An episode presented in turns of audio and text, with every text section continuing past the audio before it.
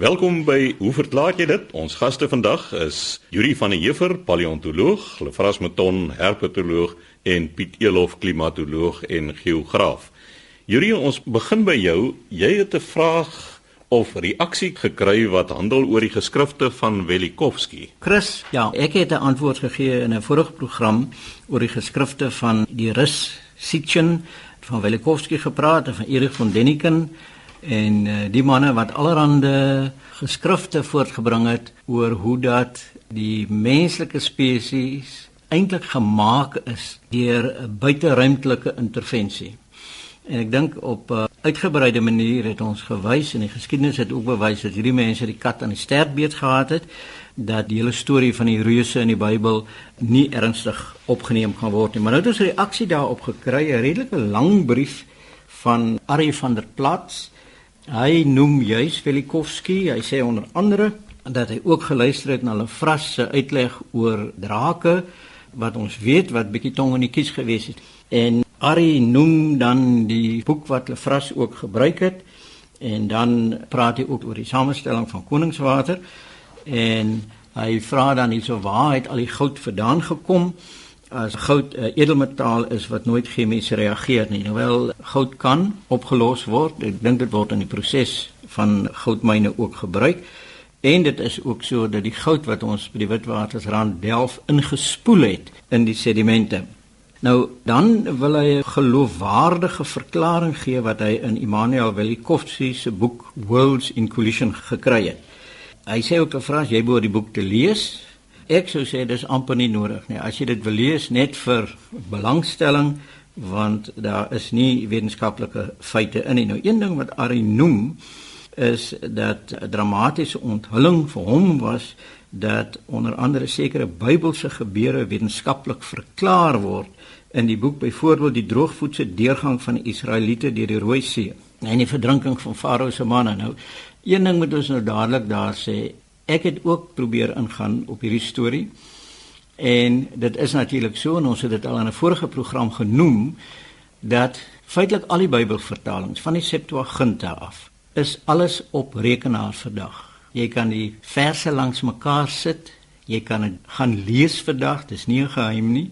En my inligting is dat die vertaling van die oorspronklike woord was verkeerd. Daar word nie gepraat van die Rooi See nie. Daar word gepraat van die Rietsee wat 'n bekende moeras gewees het. So in die eerste plek is daar nie sprake van Israeliete wat droogvoets deur die Rooi See getrek het nie. Hulle was nie naby die Rooi See nie. Dit was hoogstens 'n moeras, die Rietsee gewees. En dan sê Ari van der Plaat hier die voorafgaande wat ons nou bespreek het, sê dit is om die geloofwaardigheid van Velikovsky te probeer bevestig. Het ek geslaag? Ari nee, ek dink nie jy het geslaag nie. En dan gaan hy aan om nou te vertel van al die ander verduidelikings wat Velikovsky gegee het. Nou, mense hoef nou nie te lank hierby stil te staan nie. Want soos ons gesê het, die sterrekundiges het baie nuwe ontdekkings gemaak sedert Velikovsky. Teoloë het die Bybel op 'n wonderlike manier verklaar en dit is nie meer nodig dan Anderser as mense nou net wil interessantheid daaroor te lees is om enige geloofwaardigheid aan die totale argument van Velikovsky of van die ander te gee nie. Ons het gepraat van Erich von Däniken waar aangetoon is dat hy sy fotos vervals het, hy het verkeerde vertalings gebruik. Nou, een van die groot sterre van die kreasioniste baie jare gelede, Dwayne Gish, wat allerlei uitsprake gemaak het oor koroofossiele asof hulle nou nie sou bestaan nie en daar geen oorgangsvorme gewees het nie. En hy het toe die museum op my uitnodiging besoek en ons het hom die getuienis gewys en hy doodstil gebly.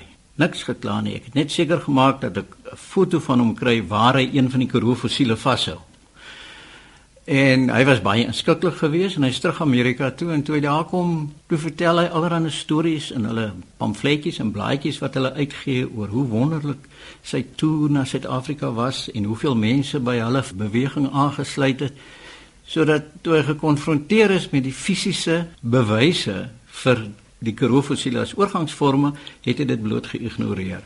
So ek vrees dat wanneer ons hierdie goed lees van Sitchin, Velikovsky en von Deniken is dit 'n storie wat hulle uitsuig uit bronne en wat hulle nie van nou nie los hulle. En die fragmente wat daarin is wat met hulle eie oortuiging saamstem, die gee hulle dan aan in gedrukte materiaal asof dit die waarheid is. En wanneer daar nie iets is wat na hulle smaak is nie, dan vertel hulle so hier en daar 'n leentjie om 'n storie te skep. En ongelukkig is ons mense so, ons hou van 'n storie, ons hou van 'n dramatiese verhaal. En ek dink dit is hoekom hierdie mense nooit eintlik vergeet sal word nie. Maar 'n mens moet maar 'n filter in jou brein hê, 'n nonsensfilter wat wanneer jy dit goed lees, dan sê jy maar waar is die bewyse? Waar is die feite? Waar is die toetse? En ek vrees Ari dan faal al hierdie mense. So sê Yuri van der Heever, ons paleontoloog, bied twee uiteenlopende onderwerpe wat jy nou gaan aanroer.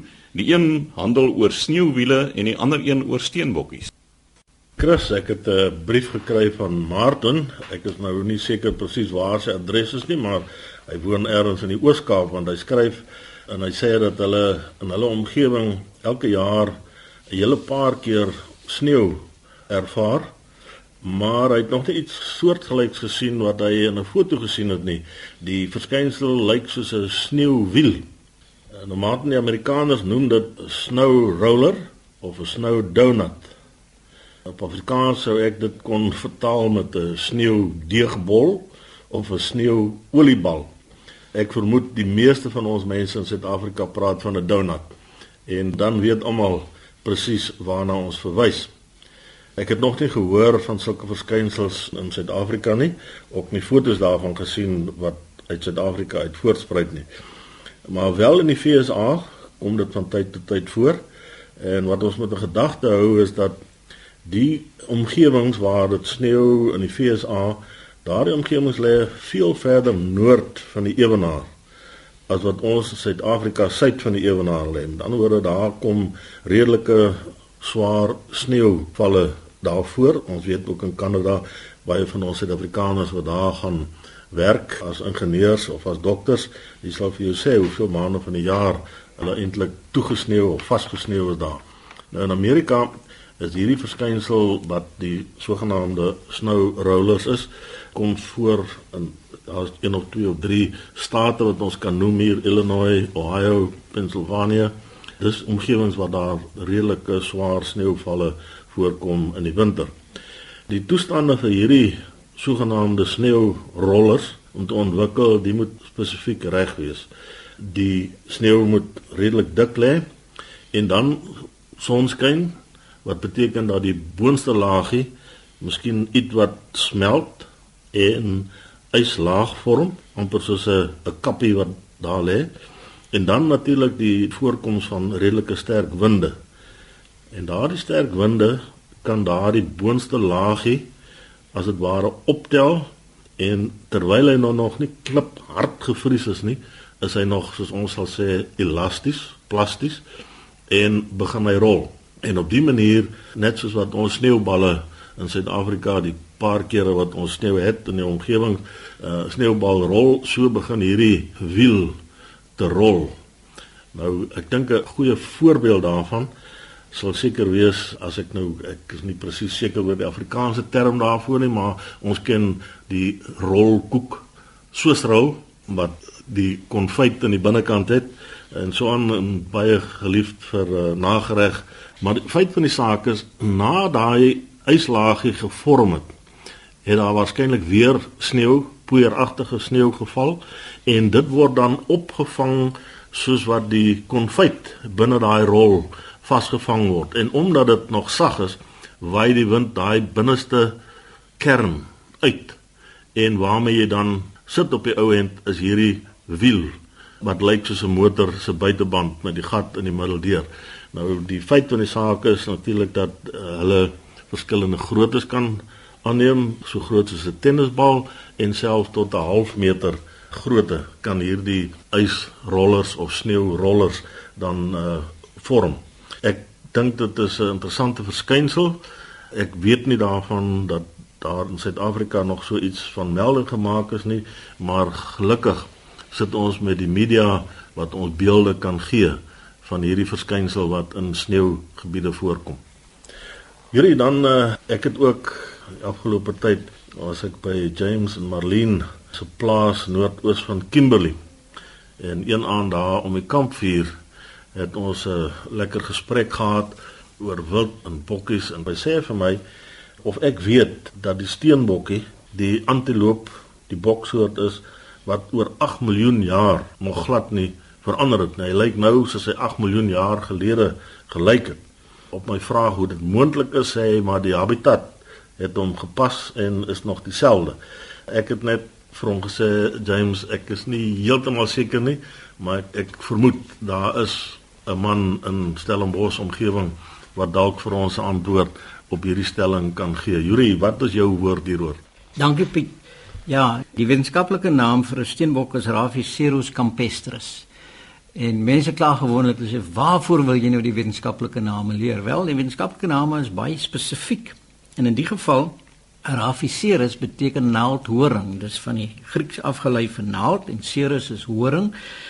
Dus die genusnaam verwys na die naaldagtige horings van die bokke en dan campestris die feit dat dit dikwels op vlaktes voorkom. So ons kry dit van die Latyn af vir vlakte of plein of in ons geval 'n kampus van 'n universiteit. So campus kom eintlik van die Latyn campestris af en dit beteken dus dat hierdie is 'n klein wildsbokkie of 'n antiloop van die vlaktes van Suidelike Afrika. Dis waar die naam vandaan kom en dit maak natuurlik baie makliker nou om die wetenskaplike naam te onthou. Nou wat betref die vraag wat aan jou gestel is, is die kort antwoord daarop nee. Raphicerus campestris, die seenbok het oor die afgelope 8 miljoen jaar verander. En al die inligting wat ons het oor soogdierspesies, die fossiel soogdierspesies toon dat die gemiddelde leeftyd van 'n spesies is min of meer 1 miljoen jaar van soogdierspesies wat dit bestaan. Nou ehm um, dit is bepaal op die sogenaamde tydvak die era Cenozoikum dit is nou van 65 miljoen jaar gelede toe die dinosourus uitgesterf het en die soogdiere eintlik nou begin blom het tot vandag toe so min of meer 1 miljoen miskien 'n bietjie meer nou vir soogdiere is dit so ander diere het 'n baie langer spesies leeftyd van die invertebrata is al gesien dat hulle vir 11 miljoen jaar 'n spesies kan uh, dieselfde bly. Maar uitsterwing en verandering is eintlik 'n basiese faset van die evolusionêre proses. So ek het ook gesels met Pippa Harof, sy is die bestuurder van die Weskus Fossielpark en met James Brink, hy is een van ons voorste fossiel soogdierkenners, hy's by die Nasionale Museum in Bloemfontein. En dit is so dat by die Weskus Fossielpark is daar fossiele gekry van die steenbok, maar dis die genus Raphicerus. Dis nie die spesies nie. Dis nie dieselfde spesies as wat vandag bestaan nie en dit is ongeveer 5 miljoen jaar oud. So by Langebaan het ons dit.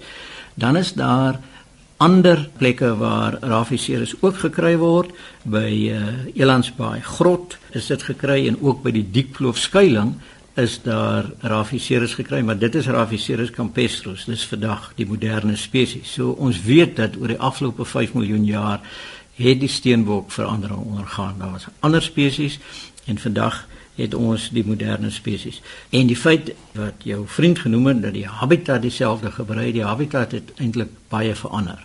Want as 'n mens kyk na wat gevind is by byvoorbeeld die Weskus Fossielpark nou toevallig kry 'n mens baie goed daar omdat daar eers 'n fosfaatmyn gewees het. Maar dit geld eintlik vir die hele Weskus bokant Langebaan en onder tot by die Kaap want jy kry hierdie fossielsoogdiere op Millerton strand. Na 'n vloedgety wat die sand weggekalwe word dan kom daar weer heelwat fossiele uit. By Duinefontein toe hulle die fondamente van die kragsentrale gegrawe het het daar allerlei goed uitgekom tot renosters Dus wat ook gedoen is by uh, die Weskus Fossielpark is in die sedimente het hulle styfmeel gekry van plante wat daar gegroei het. Nou styfmeel is baie hard en baie spesifiek. Jy kan op styfmeel kan jy die spesifieke plante uitken.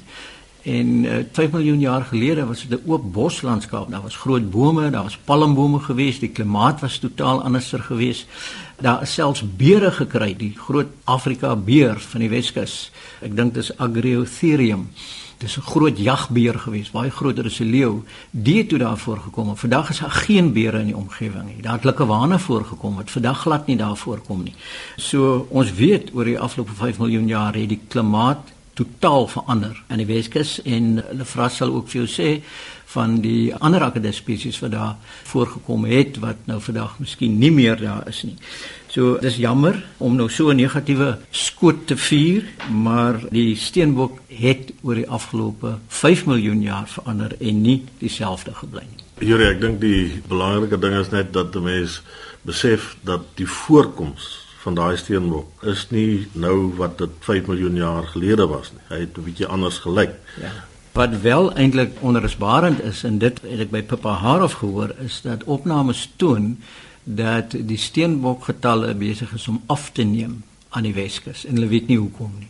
Dit was dan Piet Elof en Yuri van der Heever wat gesels het oor sneeuwiele en steenbokkies. Laaste aan die woord is Lefras Meton, ons herpetoloog. Lefras, hoe kry 'n slang dit reg om dikwels 'n baie groot prooi in te sluk? Ja, is lekker om weer slag oor ordentlike diere te gesels en nie bokkies nie, Piet. Twee briewe gekry. Eerste een is van David Robinson van Kenilworth in Kaapstad. Hy stuur ook 'n foto saam. Hy sê die foto is by volmoed in hemel en aarde by die onrusrivier geneem en hy wil weet of ons die foto kan identifiseer. Hy sê die personeel daarso weet wat dit is en sê dit is omtrent 6 voet lank, so dit is 'n slang. Nou die foto Piet, ek het dit nou nie in kleur gedruk nie, maar dit lyk vrees aanjaend. Mens kan sien dit is 'n slang. Daar gaan eh, die voorste deel of die agterste deel is daar in die plante in. Die voorste deel, dit lyk of dit by 'n water 'n poel of iets is en dit is in die water in. So mens kan nie veel sien nie, maar die deel wat mens wel kan sien is baie opgeswel en opgeblaas. So dit is baie duidelik 'n slang wat baie onlangs iets geëet het. Nou as hulle sê dit is 6 voet lank, 6 voet is 2 meter, dit is 'n baie groot slang. Soos enige slang wat so oor die meter lank is, is 'n groot slang. Mense is geneig om altyd grootte of lengte te oorskat. So 6 voet. Daar's nie baie slange in daardie omgewing wat daardie lengte kan wees nie. 'n Kaapse kobra miskien. Die langste slang is 'n molslang. As mens net nou 'n kleur sien hierdie foto, dan is hierdie slange te bruin kleur, so dis nie 'n molslang nie kortom ek kan sê dit is 'n slang, maar daar is te min van die slang wat sigbaar is en die deel wat sigbaar is so opgespel dat ek nie enige kenmerke werklik kan raak sien nie. So nee, jammer, ons sal onmoontlik dit kan identifiseer. Maar dit sluit eintlik baie mooi aan hierdie vergrote dier wat daar lê by 'n ander briefie wat ons gekry het. Dit is Hannes Engelbrecht van Bloemfontein. Nou hy het oor die jare al vir ons baie briewe gestuur en hy stuur eintlik 'n artikel hierso van 'n luislang wat nou 'n eystervark ingesluk het en toe nou 'n bietjie probleme opgetel het. Hulle het toe nou later die slang gekry en hy's dood en dit lyk asof die eystervark vir hom probleme gegee het. Nou is die vraag wat mens het, slange, hoekom sluk hulle sulke groot goed in? Wat is die rede daarvoor en hoe kry hulle dit reg en Hoekom is daar soms hierdie ongelukke wat gebeur soos 'n eystervark wat nou jou dood veroorsaak? Ons het al in die verlede baie gesels oor die evolusie van slange. Hulle het mos nou maar uit akedisse ontstaan wat ondergronds geleef het of daar's ook 'n teorie dat dit uit akedisse is wat in water geleef het. Hulle het hulle ledemate verloor en die belangrikste punt is hulle het hulle skouer gordelbene is ook oor evolusionêre tyd verlore gegaan. So hulle kan dus eintlik baie groot goed insluk wat enige ander landwerweldier wat skoue gordels het kan nie want daardie groot diere sou nie daar verby kon gaan. En die feit dat hulle sulke groot goed kan eet, het geweldige ekologiese voordele vir hulle. Dit beteken hulle hoef maar net 'n paar keer per jaar te eet, sê maar elke 3 weke of elke maand te eet, 'n groot ding te eet en daardie spaar hulle natuurlik baie energie. Hulle hoef nie so baie rond te loop op soek na kos nie en hulle hoef hulle ook nie aan predasie bloot te stel nie. So dit maak slange 'n hoogs suksesvolle groep predatore. Ek sou sê dit is seker die mees suksesvolle landpredatore. Nou, hoe kry hulle dit reg om hierdie groot goed in te sluk? Eerstens is die skedel, die onderkake aan die voorpunt is met 'n ligament aan mekaar die twee helftes en daardie ligament is redelik plasties, dit kan rek en dan so min of meer halfpad in die onderkaak is. Die onderkaak bestaan uit verskillende bene, is daar amper 'n skanier, so die onderkaak kan nog lekker buig ook en dan al die skeletelemente van die bokaak en ook die skedel is nêrens eintlik stewig aan mekaar vasgeheg nie. So die hele skedel is baie plooibaar. Dit kan rek en eintlik as hy die tande gebruik, kan hy die bokaak amper so loop oor die kos as hy besig is om in te sluk. So omdat hulle nou sulke groot prooi insluk, die meeste slange kan baie groot prooi insluk relatief tot hulle kopgrootte, is dit belangrik dat daardie prooi op die regte manier ingesluk word. Want dis nou 'n groot ding wat moet ingaan en jy wil hom nie dwaas insluk nie. En iets soos 'n eystervak of enige iets met stekels of bene of so, mens kan maar 'n slang dophou. Baie van die seuns hou mos daar in die kamer 'n slang in 'n kas aan en dan gooi hulle 'n wit rooitjie of 'n wit muis daaraan. Jy sal sien die slang vat nogals baie tyd voor hy begin sluk en hy sluk altyd die prooi as dit 'n klein soogdiertjie of 'n akedus of 'n padda is van die kopkant eerste in sodat die bene en die eystervark se penne sal dan nou agtertoe wys en slange wat nou weer kreefagtige seeslange en goed eet hulle sluk hulle weer van agteraf in want die kreef se bene vou vorentoe.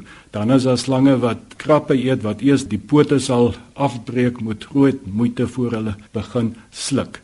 Want as hulle eers begin sluk en die storie is verkeerd om nou natuurlik dit is van selfsprekend dat dit uh, ernstige gevolge kan inhou. Dit sommer net so hoe al slange dan nou asem as hulle terwyl hulle hierdie groot prooi insluk. Ons weet dat die lug gat of lugpyp sit redelik voor in die mond en hy kan amper so half een kant toe uitstulp terwyl die slang besig is om prooi in te sluk en dan slange is natuurlik koudbloedig ektotermies so hulle kan 'n hele paar minute sonder suurstof klaarkom. So dis nie soos ons wat warmbloedig is wat gereeld moet asemhaal nie. So wat het dan nou hierso verkeerd geloop met hierdie eystervark storie? Dit is so as 'n slang nou so groot prooi aangesluk is, dan is hy eintlik het hy probleme want hy's baie onbeweeglik en die prooi moet verteer word, so die slang kan nou nie heeltemal gaan wegkruip nie, soos ons gesê het, hulle is koudbloedig, so hulle moet op 'n redelike warm plek lê dat daardie vertering kan plaasvind en soms is dit dan ook waar ander predatore hulle sal raakloop. En dan wanneer daar 'n predator kom, dan is die eerste reaksie van so 'n slang wat dan nou vol of 'n groot maaltyd gehad het, is dat hy moet hiervan ontslaa raak van die kos in sy maag en dan bring hy dit basies op. Nou, ja, om my eistervark op te bring, ek kan net dink. ja, kyk, hierso in die artikel staan dat 'n fietsryer het gesien daar lê die slang en toe wat hy nog gelewe en hy het die uistervark klaar ingesluk. So dit was eers ingesluk en daarna die probleem ontstaan en hulle sê daar is moontlikheid dat die slang geval het by 'n kraans af terwyl hy seker in die son lê en bucket of iets en dat in die val het van die penne dan nou deur sy darmes gesteek. Nou mense sal nou dink is dit nou nou baie dom om nou uistervarke te eet, maar onder normale omstandighede sal dit nie gebeur nie. Dit is af en toe wat dinge gaan skeefloop. Dit is nou maar Piet net soos wanneer 'n leeu 'n sebra wil vang. 9 uit 10 keer gaan dit suksesvol wees. En dan na een keer gaan hy hom vasloop teen die hings wat hom katswink gaan skop. So dit is nou maar hoe dit werk en slange soos ek sê hulle is baie presies oor hoe hulle 'n ding insluk en normaalweg sluk hulle so in dat daar die minste weerstand van die prooi is van die bene of die ledemate of die horings of wat dit ook al is. Mens moet dan seker ook nou praat nou wat gebeur nou wanneer vertering nou plaasgevind het daardie penne gaan seker nie heeltemal verteer nie en een kant gaan nog skerp wees maar die stompkante behoort nou verste agter te sit. So hulle behoort met die stompkante eerste by die klake uit te gaan. So dit behoort nie 'n probleem te wees nie. So sê hulle Frasmeton, ons herpetoloog oor daardie stekelrige prooi wat die slang ingesluk het. Skryf gerus aan ons by Hoe verklaar jy dit? Posbus 2551 Kaapstad 8000 of stuur 'n e-pos aan chris@rsg.co.za. 本节语本节道。